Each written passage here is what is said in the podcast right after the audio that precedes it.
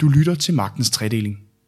En podcast, der sætter spot på de udviklinger, der præger vores samfund, og som sætter dem i et juridisk perspektiv. Now, it is incumbent upon us lawyers not to just talk about the truth, but to actually seek it, to find it, to live it.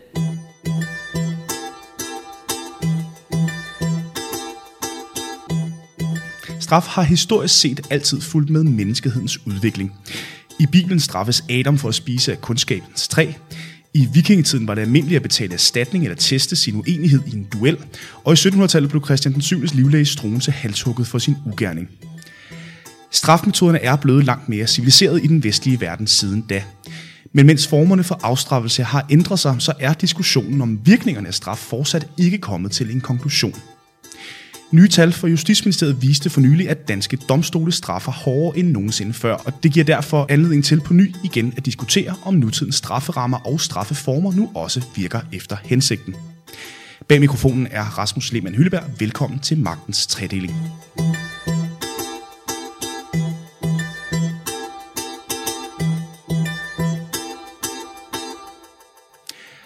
Og med mig i studiet i dag, der har jeg på min ene side kriminolog og lektor ved STU, Linda Kær Minke, og på min anden, Jesper Ryberg, du er professor i etik og retsfilosofi ved Roskilde Universitet. Velkommen til begge to. Tak. tak. Øh, for lige at bryde isen i dag, så kunne jeg godt tænke mig at starte med en lille quiz. Ved I, hvad strafferammen er for at begå herværk i Danmark? Jeg ved det ikke. Nej. Jeg er heller ikke jurist, Nej. så jeg... Linda? Herværk, oh, nej, fordi det er øh, altså den kriminalitet, som jeg sådan har kendskab til og, og hovedsageligt beskæftiger mig med, det er sådan den, den grovere kriminalitet. Øh, Hvad så med hvis vold? Hvad er strafferammen på vold? så? Ja, men den, øh, altså, den ligger jo sådan på omkring 6 år. Mm. Øh, herværk, der vil jeg sådan slag på tasken øh, 3 år. Mm, Jesper? Ja, vold, det kommer jo så an på, om, nu sagde jeg, at jeg ikke var jurist, og det er jeg jo ikke, men der er jo forskellige voldsparagrafer i straffelov. Der er en, der hedder 244, som er den simple vold. Mm. Og det kan jeg huske, i 2002, der blev den sat op fra halvandet til tre år. Hvor meget den så er stedet siden, det ved jeg ikke. Men så er der også de, de grovere former for vold, ikke? og de ligger jo så over det. Ikke? Der florerer jo nogle gange den her historie om, at man snakker, straffer økonomisk kriminalitet langt hårdere end, end voldskriminalitet. Ikke?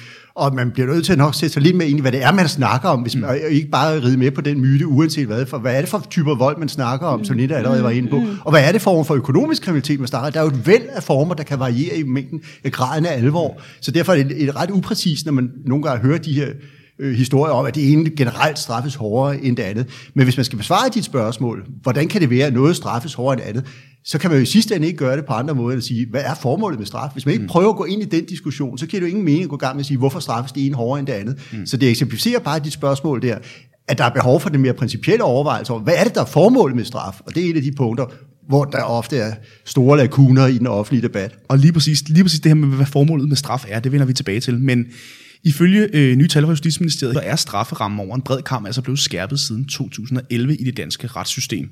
Med andre ord, Danmark har aldrig haft strengere straffe, end vi har lige nu. Linda, jeg vil godt starte med at spørge dig, når vi straffer hårdere, har vi så også mindre kriminalitet? Øh, altså, den øh, øh, udenlandske forskning, jeg kender til området, øh, viser, at der ikke er nogen som helst sammenhæng mellem et lands strafniveau og kriminalitetsniveauet i det pågældende samfund. Øh, og det er jo øh, i den sammenhæng, øh, vi kan jo bare kigge over Atlanten, øh, hvor vi jo har USA liggende, der øh, har den ultimative straf, som er dødstraffen, og så skulle man jo forvente med de straframmer, der er i USA, at kriminaliteten den var øh, meget lav, og det er jo så ikke tilfældet. Så øh, altså, jeg har ikke øh, læst, at der eller fundet nogen forskning, der viser, at der er evidens i forhold til, at øh, høje straframmer øh, genererer mindre kriminalitet i et samfund. Ja, og man siger, det, er jo ikke et, et, et nyt spørgsmål for kriminologer, det her. Hvis man straffer hårdere, vil der så være en øget præventiv effekt? Det er jo et spørgsmål, der virkelig er lavet rigtig, rigtig meget forskning i, og det er ret let at finde. Man kan jo bare gå ind og finde den internationale forskning i de tidsskrifter, de bøger, hvor de øh, forlag, hvor det er publiceret. Og det er, som Linda siger, ret samstemmende, når man går ind og kigger på det, at bare det, at man hæver strafferammen, eller hæver de faktiske straffe, må vi hellere sige, at det giver ikke en øget præventiv effekt for lang, mange forskellige typer af forbrydelser. Der, hvor man nogle gange har peget på blandt kriminologer, at der kunne være en effekt, det er, hvis man ændrer sandsynligheden for, at man bliver taget. Der er nogen, der peger på, at det måske kan give en øget præventiv effekt. Men bare det at hæve strafferammen gør det ikke. Og det er jo ikke så svært at forstå, hvorfor der måske er sådan nogle sammenhæng. Altså, jeg mener, der er masser af tilfælde, hvor folk går forbrydelser, men hvor de motiverer helt andre og stærkere ting, mm og derfor betyder det ikke så meget, om straffen lige er lidt større eller lidt lavere. Og så er der masser af tilfælde, apropos dit indledende spørgsmål om, hvad strafferammen for herværd er, hvor folk jo slet ikke kender straffen. Mm. Og man kan jo ikke slå op og sige, hvad får jeg egentlig, hvis jeg begår det her? Man kan se strafferammerne, men det er jo noget helt andet end de faktiske straffe, der bliver udmålt. Mm. Og hvis man ikke kender straffene, ja, så kender man dem heller ikke, hvis man øger dem et halvt år, og derfor vejer de heller ikke tungere i ens vurdering af, at man skal handle på den ene eller anden måde. Så der er mange grunde, gode grunde til, der også gør det forståeligt, at det ikke bare er sådan, at der er en simpel sammenhæng mellem at øge straffen og så få en øget præventiv effekt. Men hvis der ikke er en direkte linje mellem graden af straf til den reelle effekt, hvorfor har man så hævet strafferammerne så meget siden 2011?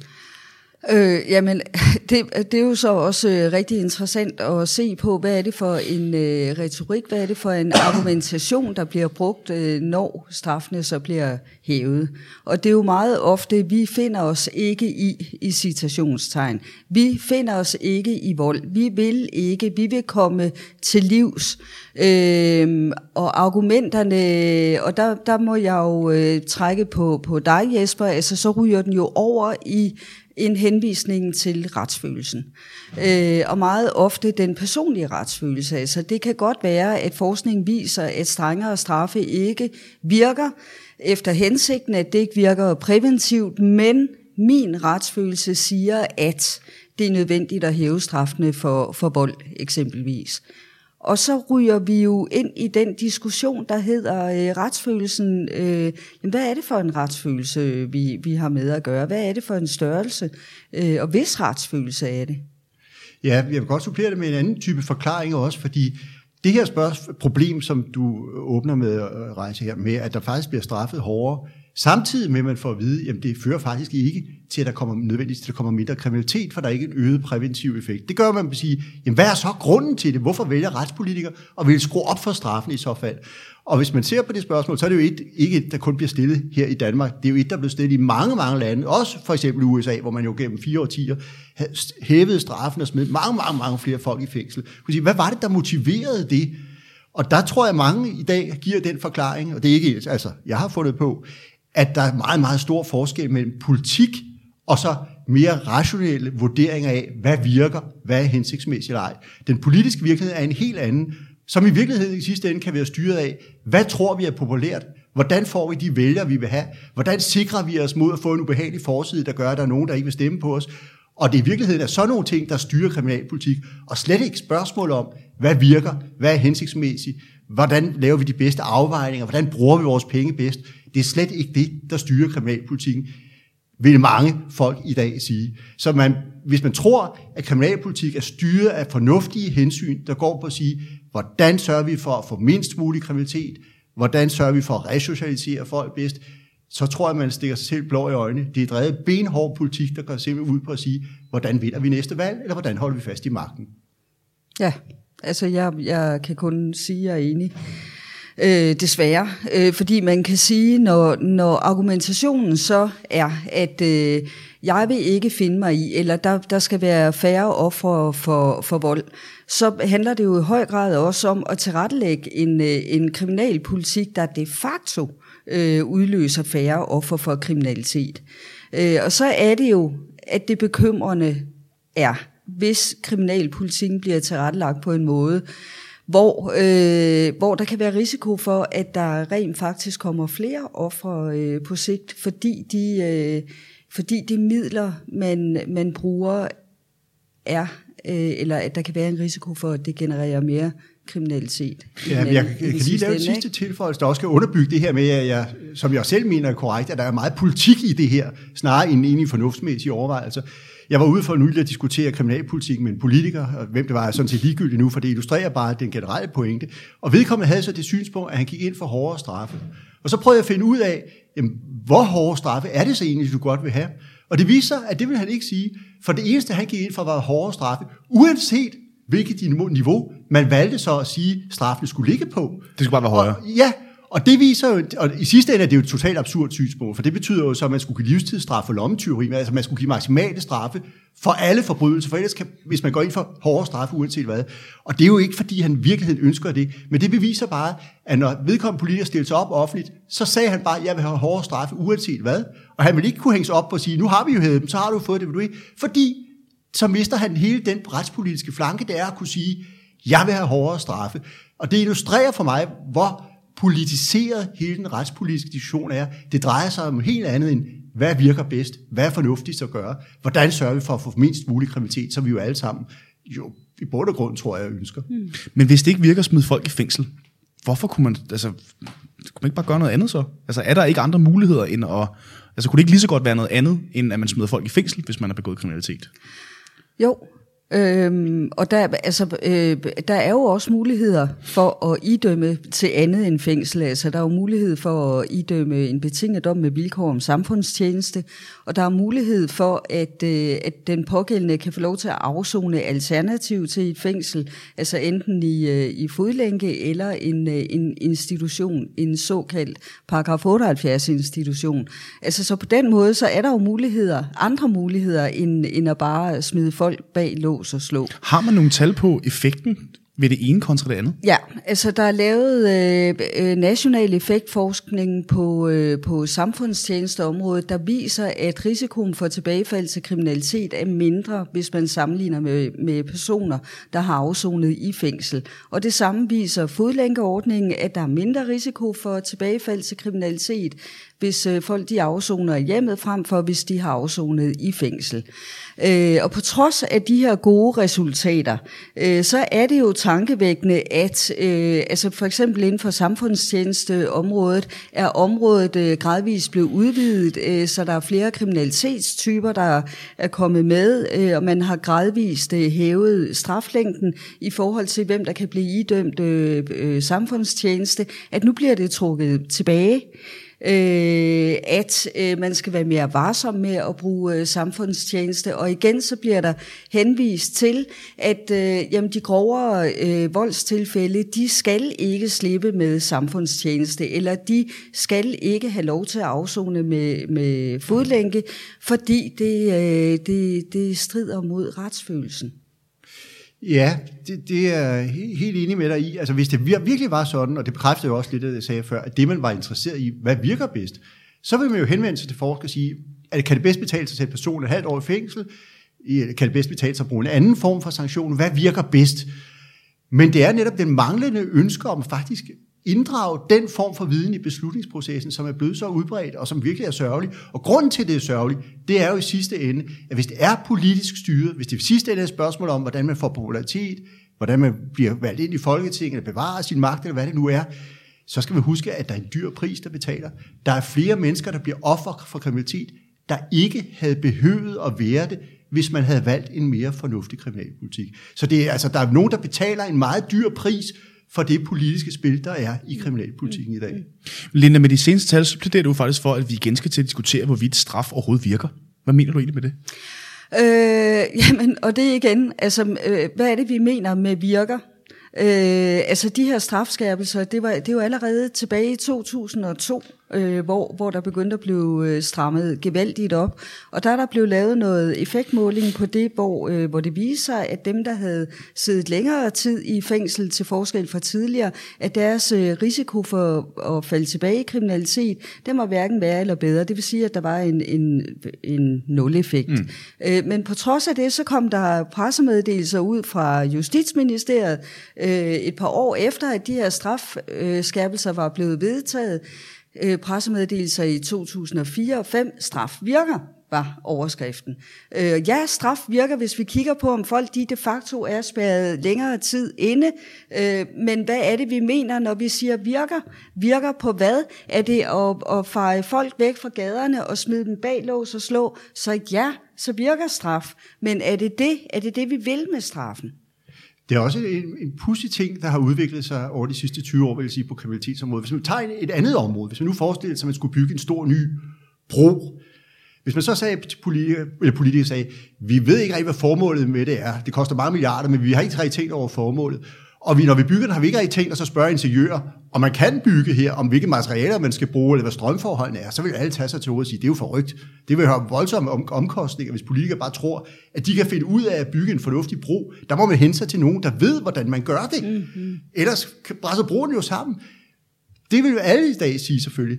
Men hvad på, på det kriminalpolitiske område? Der, er det blevet, der behøver man ikke henvise til overhovedet til, hvad ved vi i dag, hvad virker faktisk. Der er det blevet helt okay bare at sige, jeg føler, eller jeg tror, men problemet er på det her område, ligesom på, på ingeniørområdet eller andre områder, kan man jo ikke føle sig frem til, hvad der virker. Der bliver man nødt til at lave undersøgelser, studier, og se grund, lave grundige videnskabelige analyser, for at finde ud af, hvordan ting virker, hvad der har en effekt osv. Men inden for det felt er det blevet helt legitimt at jeg sige, jeg er faktisk interesseret i at træffe informationer på et eller træffe beslutninger på et informeret grundlag. Og ikke alene er det blevet legitimt. Jeg kan huske, for nogle år siden var der faktisk et indlæg i Berlingske Tidene fra en politiker, der skrev, vi er mange, der heldigvis har holdt op med at benytte os af statistikker. Så det er jo ikke alene inddrage, men ikke viden. Det er blevet sådan i dag, at man praler af, at man ønsker at træffe sine beslutninger på et uinformeret grundlag. Det er der egentlig bemærkelsesværdige. Og tænk som sagt, hvis man gjorde det på ingeniørområdet, når man skulle bygge en ny bro, sagde, vi er ikke rigtig interesseret i at spørge og lave og få beregninger på, hvilke materiale vi skal bruge. Problemet er, at det er lige så forrygt inden for kriminalitetsområdet, og det har også store omkostninger, som jeg sagde før, inden for det felt. Inden vi går videre, så vil jeg godt slå et slag for at øh, give os en lille rating på iTunes, hvis øh, du, øh, ligesom vi, synes, at de emner, vi øh, tager op her i programmet, de er rigtig spændende.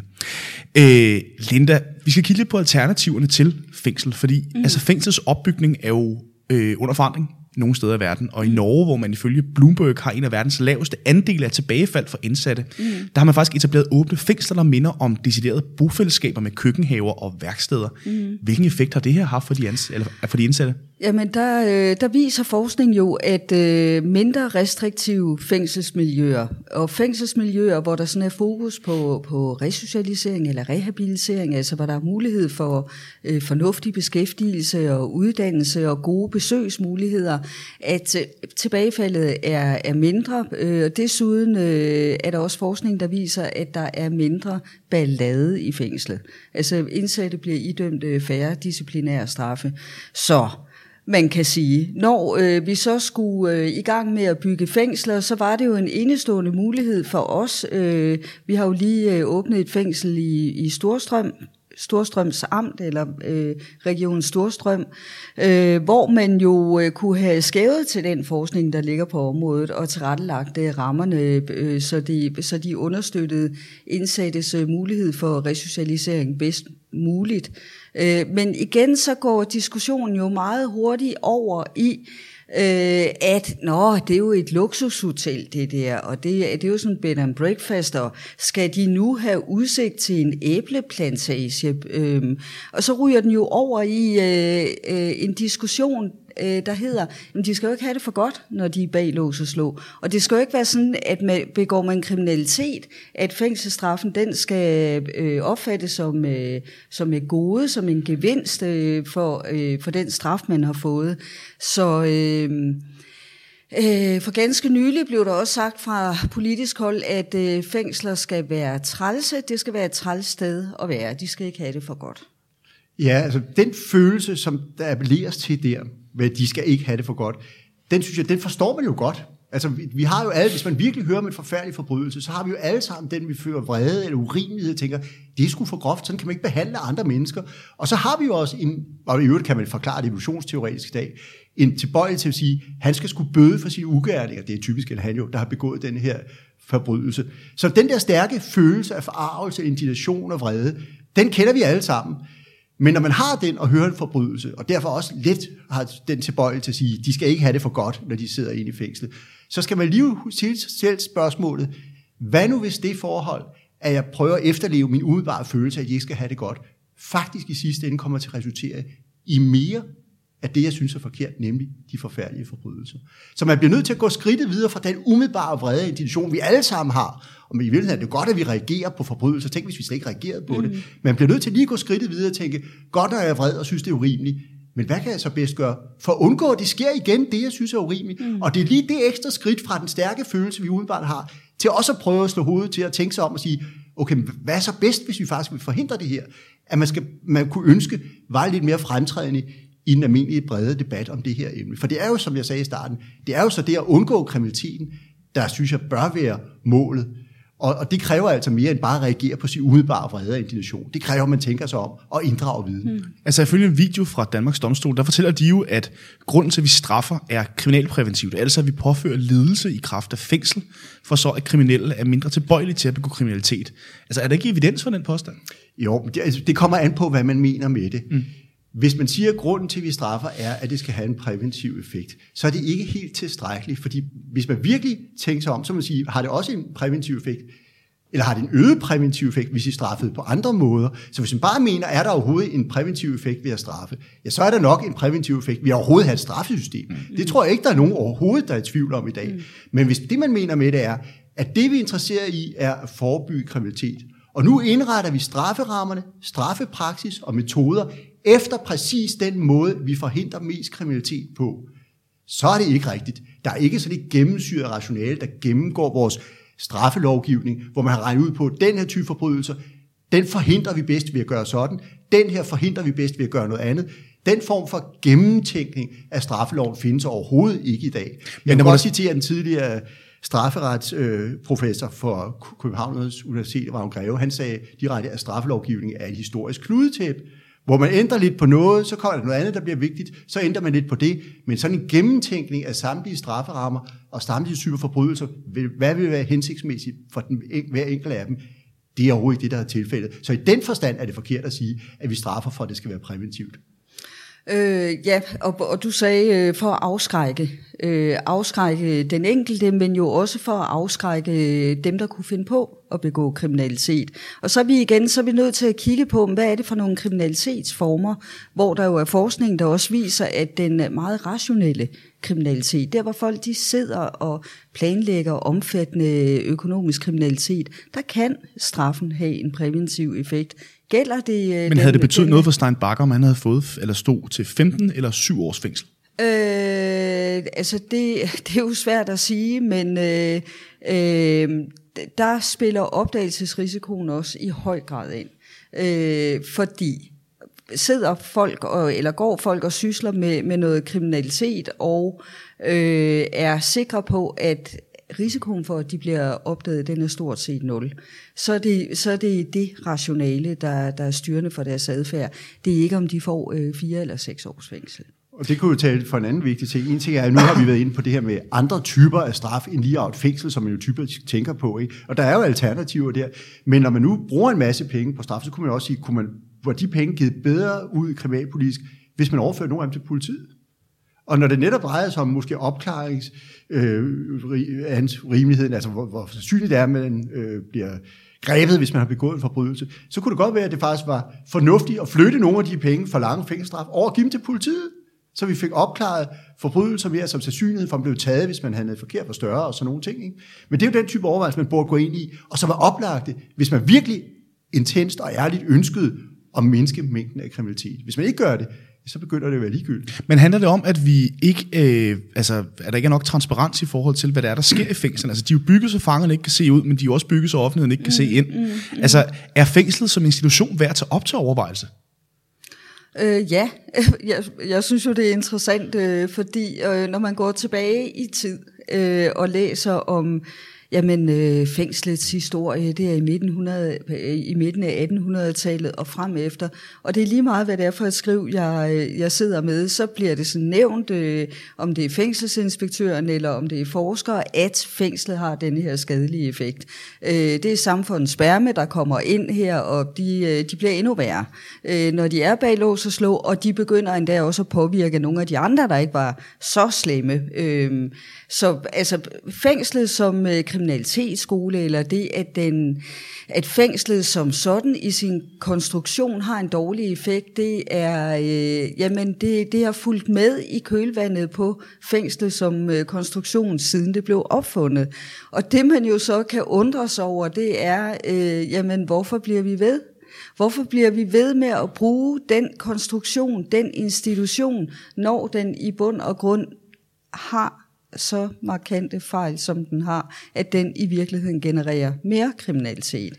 Dermed ikke sagt, jeg, jeg er jo klar over, at der er nogle mennesker, der er for farlige at have gående i, øh, frit i det, omgivende, eller i det omgivende samfund, men øh, spørgsmålet er, om vi skal bruge fængslet i den udstrækning, som, øh, som vi gør nu. Ja, man må også her kalde lidt på nuancer. Det er jo ikke kun et spørgsmål om fængsel eller ikke fængsel. Altså man kan jo fængsle folk på mange forskellige måder. De kan mm. jo få en mere eller mindre meningsfuld hverdag derinde. Man kan gennemgå kurser, når man sidder indespærret. Man kan også leve eller fodlæggen i hjemmet er uden for Ja, fængsel, og man kan også ja. være indespærret under mere eller mindre kummerlige forhold. Man kan, nu nævnte vi Norge tidligere som eksempel på, hvor man måske har meget gode forhold.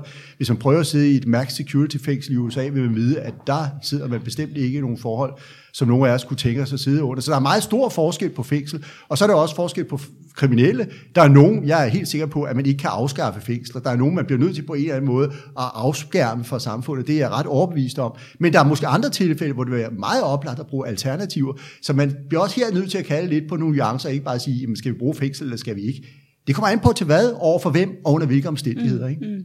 En af de lande, at vi i Danmark jo tit øh, sammenligner os med, øh, er jo Holland.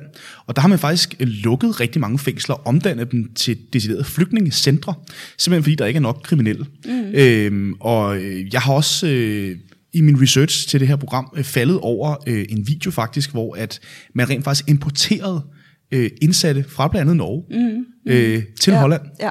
Øhm, Hvorfor er det tilfældet? Hvad jo, er det, de er så fra, gode til? Og fra øh, Belgien ja. øh, har man også importeret øh, indsatte til Holland, altså hvor de har lejet øh, fængsler ud til den belgiske stat, øh, fordi de havde, øh, de havde en overkapacitet. De havde simpelthen øh, fejlberegnet. De havde øh, bygget for mange øh, fængsler. Øh, og så stod de jo tomme, og så måtte de jo øh, blive, øh, blive brugt af nogen. Øh, og så blev det jo så nordmændene og, og belgierne, der øh, kom til at afzone i øh, hollandske fængsler. Øh, og vi har jo sådan, øh, altså vi hører det jo også i den øh, politiske debat, øh, at der er at tale om at, øh, at sende øh, øh, folk, der afsoner øh, en, en dom, altså for eksempel personer med anden statsborgerskab end dansk, til andre lande for at... Eller Lindholm. Ja, eller Lindholm, ikke? Altså det... Øh, så det her med at Men hvad er det, de gør så godt i Holland? Jamen det, det, i virkeligheden så eksporterer vi jo vores øh, problemer øh, når vi gør det, så bliver det jo lige pludselig, øh, så er det jo Holland, der kommer til at, at hænge på denne her. Øh, hvem, og så kan man sige, hvem har lyst til at være en fængselsnation? Hvem har lyst til, altså fængslet som, øh, som bygning er jo ikke øh, specielt smuk, øh, eller genererer øh, positive ting for et øh, lokalsamfund, fordi dem, der sidder i fængslet, de er jo øh, bag lås og slå. Det er også nærliggende at spørge, Jesper, er, der, altså, er det overhovedet muligt at nå til et punkt, hvor nok er nok i forhold til strafferammen? Altså man kan jo ikke bare blive ved med at skrue hvad hedder det, strafferammerne op. Nu har vi set, at strafferammen her i Danmark er steget øh, markant siden 2011. Altså, når man ikke til sådan midtheds, altså midthedspunkt på et eller andet tidspunkt? Jo, det tror jeg, man gør. Altså, det, det er faktisk det, vi har set i, i nogle andre lande nu. Altså for eksempel i USA. Altså for nu at tegne billedet meget hurtigt op, så er det jo sådan, at hvis man går tilbage til 1960'erne, så er der jo kriminologer og andre gode folk, der sagde på det her tidspunkt, at mængden af indsatte i fængslerne vil nok ligge nogenlunde konstant, for hvis der pludselig kom for mange, så ville der nogle mekanismer, der gjorde, at det blev udjævnet, udjævnet igen. Og det var i hvert fald ikke korrekt, for det, der skete fra 70'erne og frem, det var, at mængden af indsatte i USA voksede og voksede og voksede. Kriminaliteten voksede i 70'erne og 80'erne, men fra 1991, der knækkede kurven, og der begyndte kriminaliteten at falde meget, meget væsentligt i USA. Men mængden af indsatte blev ved med at vokse og vokse. Så sådan i rundetal var der omkring 1980 en halv million indsatte i USA, og i dag er der cirka 2,2 millioner. Så det er jo vokset og vokset og vokset. Og indtil de, til de sidste par år er der så sket nogle ændringer, også på det politiske område, hvor både republikanere og demokrater siger, er det her særligt godt? Er det hensigtsmæssigt? Eller hvad pokker skal vi sige til det? Og en af grundene er jo, at det er kolossalt dyrt at have så mange mennesker siddende så lang tid i fængsel. Så, og det er jo det penge, der skal betales, som man kunne bruge på andre ting. Ikke? Så det er en af grundene til, at man når, kan nå et punkt, hvor folk siger, er vi sikre på, at vi har lyst til at bruge så mange penge på det her, hvis vi faktisk kunne bruge dem på nogle andre samfundsmæssige mm, ting, mm. eller hvis vi kunne bruge dem på en andre måde, der vil være bedre til at forhindre kriminalitet for den sags skyld. Ikke? Så man kan godt nå nogle punkter, hvor politikere godt kan se, at nu poster vi så mange penge i det her, og det er, ikke, altså det er ret oplagt, at der intet, ingen gevinst er ved det længere. Og det er faktisk et punkt, der i en vis udstrækning, som sagt, er begyndt at komme i USA, efter de her meget uhyggelige erfaringer, man nu har haft i fire årtier med stigende straf. Og det der, det, det er simpelthen så interessant, fordi i mange diskussioner, så bliver der jo så nævnt, okay, det er jo så et øh, bevis for, at strengere straffe øh, hjælper, fordi vi kan jo se, at kriminaliteten falder. Se nu alle dem, der sidder bag lås og slå i, øh, i USA. Øh, det hænger jo sammen med, at kriminaliteten den er, den er faldet. Og det samme blev jo brugt i, øh, i, i debatten i Danmark, at de senere års øh, strafskærpelser tilbage, altså fra 2002 og frem efter, det er jo det, der forklarer, at kriminaliteten den er så historisk lav nu. Ja, men nogle gange bruges de der typer af forklaringer jo ikke. Men der må man jo så se på, hvordan er det, øh, kriminalitetsudviklingen har været i forhold til straffene. Og der er jo mange lande, hvor man så har ændret på straffene og kan se, at den udvikling, der er i kriminaliteten, den er helt upåvirket af, at man har ændret øh, hvor hårdt man har straffet. Der er erfaringer fra Finland for eksempel, hvor man pludselig sænkede mængden af indsatser i fængsler. Det ændrede intet på det kriminalitets udvikling, der var. Der var en stigende kriminalitet, men der var ingen knæk på kurven, en hurtigere stigning og sådan noget, da man valgte at sætte, sætte væsentligt ned for den mængde af fængselsstraf, man brugte. Så der er masser af studier af den type, der viser, at der ikke er nogen simpel sammenhæng. Og som sagt, altså fra 1991 begyndte kriminaliteten i USA at falde væsentligt, øh, inden der havde den steget. Men altså, der, der er ikke, så der er ikke den her simple sammenhæng mellem, hvordan man straffer, og hvordan kriminalitetsudvikling er. Kriminalitetsudvikling er et forhold, der påvirker så mange ting, mm. demografi og alle mulige andre faktorer, men det ser ikke ud til, at bare måden, når vi straffer lidt hårdere eller lidt mindre hårdt, er en af de faktorer. Mm. Nej. Men, og så er der jo også et andet argument, der hedder, okay, nu tager vi så ham her, og så får han 20 års fængsel så er vi jo enige om, at i de 20 år, der er han ude af cirkulation, og der, øh, der laver han ikke ballade i det omgivende samfund. Det er jo den her inkapaciteringseffekt. Øh, og det bliver jo også brugt som øh, et argument. Det kan godt være, at, øh, at sådan generelt, at, øh, at, at strengere straffe ikke virker, men i forhold til ham her, Karl Ejner, nu sidder han der i 20 år, så er vi i hvert fald sikre på, at han ikke laver ballade i det omgivende samfund. Ja, som, det argument, det bruges jo en ja, gang imellem. Ikke? Ja. Men, det, men der skal man, og det er jo også, i en vis forstand er det jo korrekt, at man begår i kriminalitet de 20 år, man sidder i. Man kan godt begå kriminalitet i fængsler, man kan måske også få en mobiltelefon og lave noget, men i store hele kan man, er man jo inkapaciteret, uskadeligt gjort, kan man sige, den periode, man sidder inde. Men det spørgsmål, man så skal rejse, det er, hvis man nu havde siddet i 15 år, havde det så gjort nogen forskel? Fordi det er jo alligevel forskel på fem år, hvis vedkommende alligevel ikke begik ny kriminalitet, når vedkommende kom ud igen, hvis det var sådan ja, så kunne man faktisk spare fem års fængsel. Øh, og det er jo også en del penge, man så kunne spare eller bruge på noget mere hensigtsmæssigt. Mm. Så derfor er spørgsmålet stadigvæk, det er rigtigt, der kan måske kan være en uskadeliggørelseseffekt, men hvad er den passende effekt? Nogle gange siger man jo også, inden for øh, kriminologi har jeg hørt, mm. at øh, det bedste, man kan gøre for en kriminel, det giver ham en 30-års fødselsdagsgave. Fordi når man begynder at blive ældre, så ser man jo, at kriminaliteten falder. Mm. Det er unge mennesker, der begår kriminalitet, og vi kan sige, at teenager kan måske gå meget, men selv kriminelle teenager kan godt blive fornuftige mennesker, mm. når de er blevet 10 eller 20 år ældre. Der sker virkelig mange ting i mm. mennesker. Mm. Så derfor skal vi også passe på, når vi tænker på kriminelle, ikke kun at tænke os på de mest hårdføre rocker-typer, vi tænker, der sidder sådan nogen. Der findes mange typer af kriminelle, og for mange af dem, der er bare det, at man er blevet ældre, er faktisk nogen, et forhold, der gør, at man ikke længere falder i den der kriminalitetsbane, som man måske var med i, da man var ung. I Sydkorea ser man faktisk lige nu en, øh, en, øh, sådan en kriminalitetsbølge blandt pensionister på grund af øh, øh, ensomhed og øh, hvad hedder det, øh, dårlige økonomiske forhold. Mm. Det er en helt anden snak. Mm. Øh, så konklusionen her er simpelthen, at øh, det, ikke, altså, det, det løser ikke problemet, det gemmer bare problemet væk. Mm. Ja. Ja, jeg det. tror, jeg vil godt sige det på en anden måde. Når, nu, når man taler om de her ting, så er der nogle gange folk, der siger, at du er jo bare den type, der går ind for lavere straffe. Og der vil jeg godt sige, nej, jeg går ind for hårdere straffe, hvis de virker. Men jeg går ind for hårdere straffe, hvis de ikke virker, eller hvis de virker kontraproduktivt. Det er det, der er mit synspunkt. Ja, ja og, og det er jo meget billigt det her, men og nu er det jo også en kold vinterdag øh, i dag, men det svarer jo lidt til det at, at bruge strengere og strengere straffe. Øh, og tisse i bukserne på en kold vinterdag, det varmer måske lige her nu, men det bliver godt nok koldt bagefter. Ikke? Og det bliver de sidste år den her uge. Tusind tak til begge to, fordi I havde lyst og, øh, til at komme og diskutere den her øh, lidt principielle øh, diskussion med mig.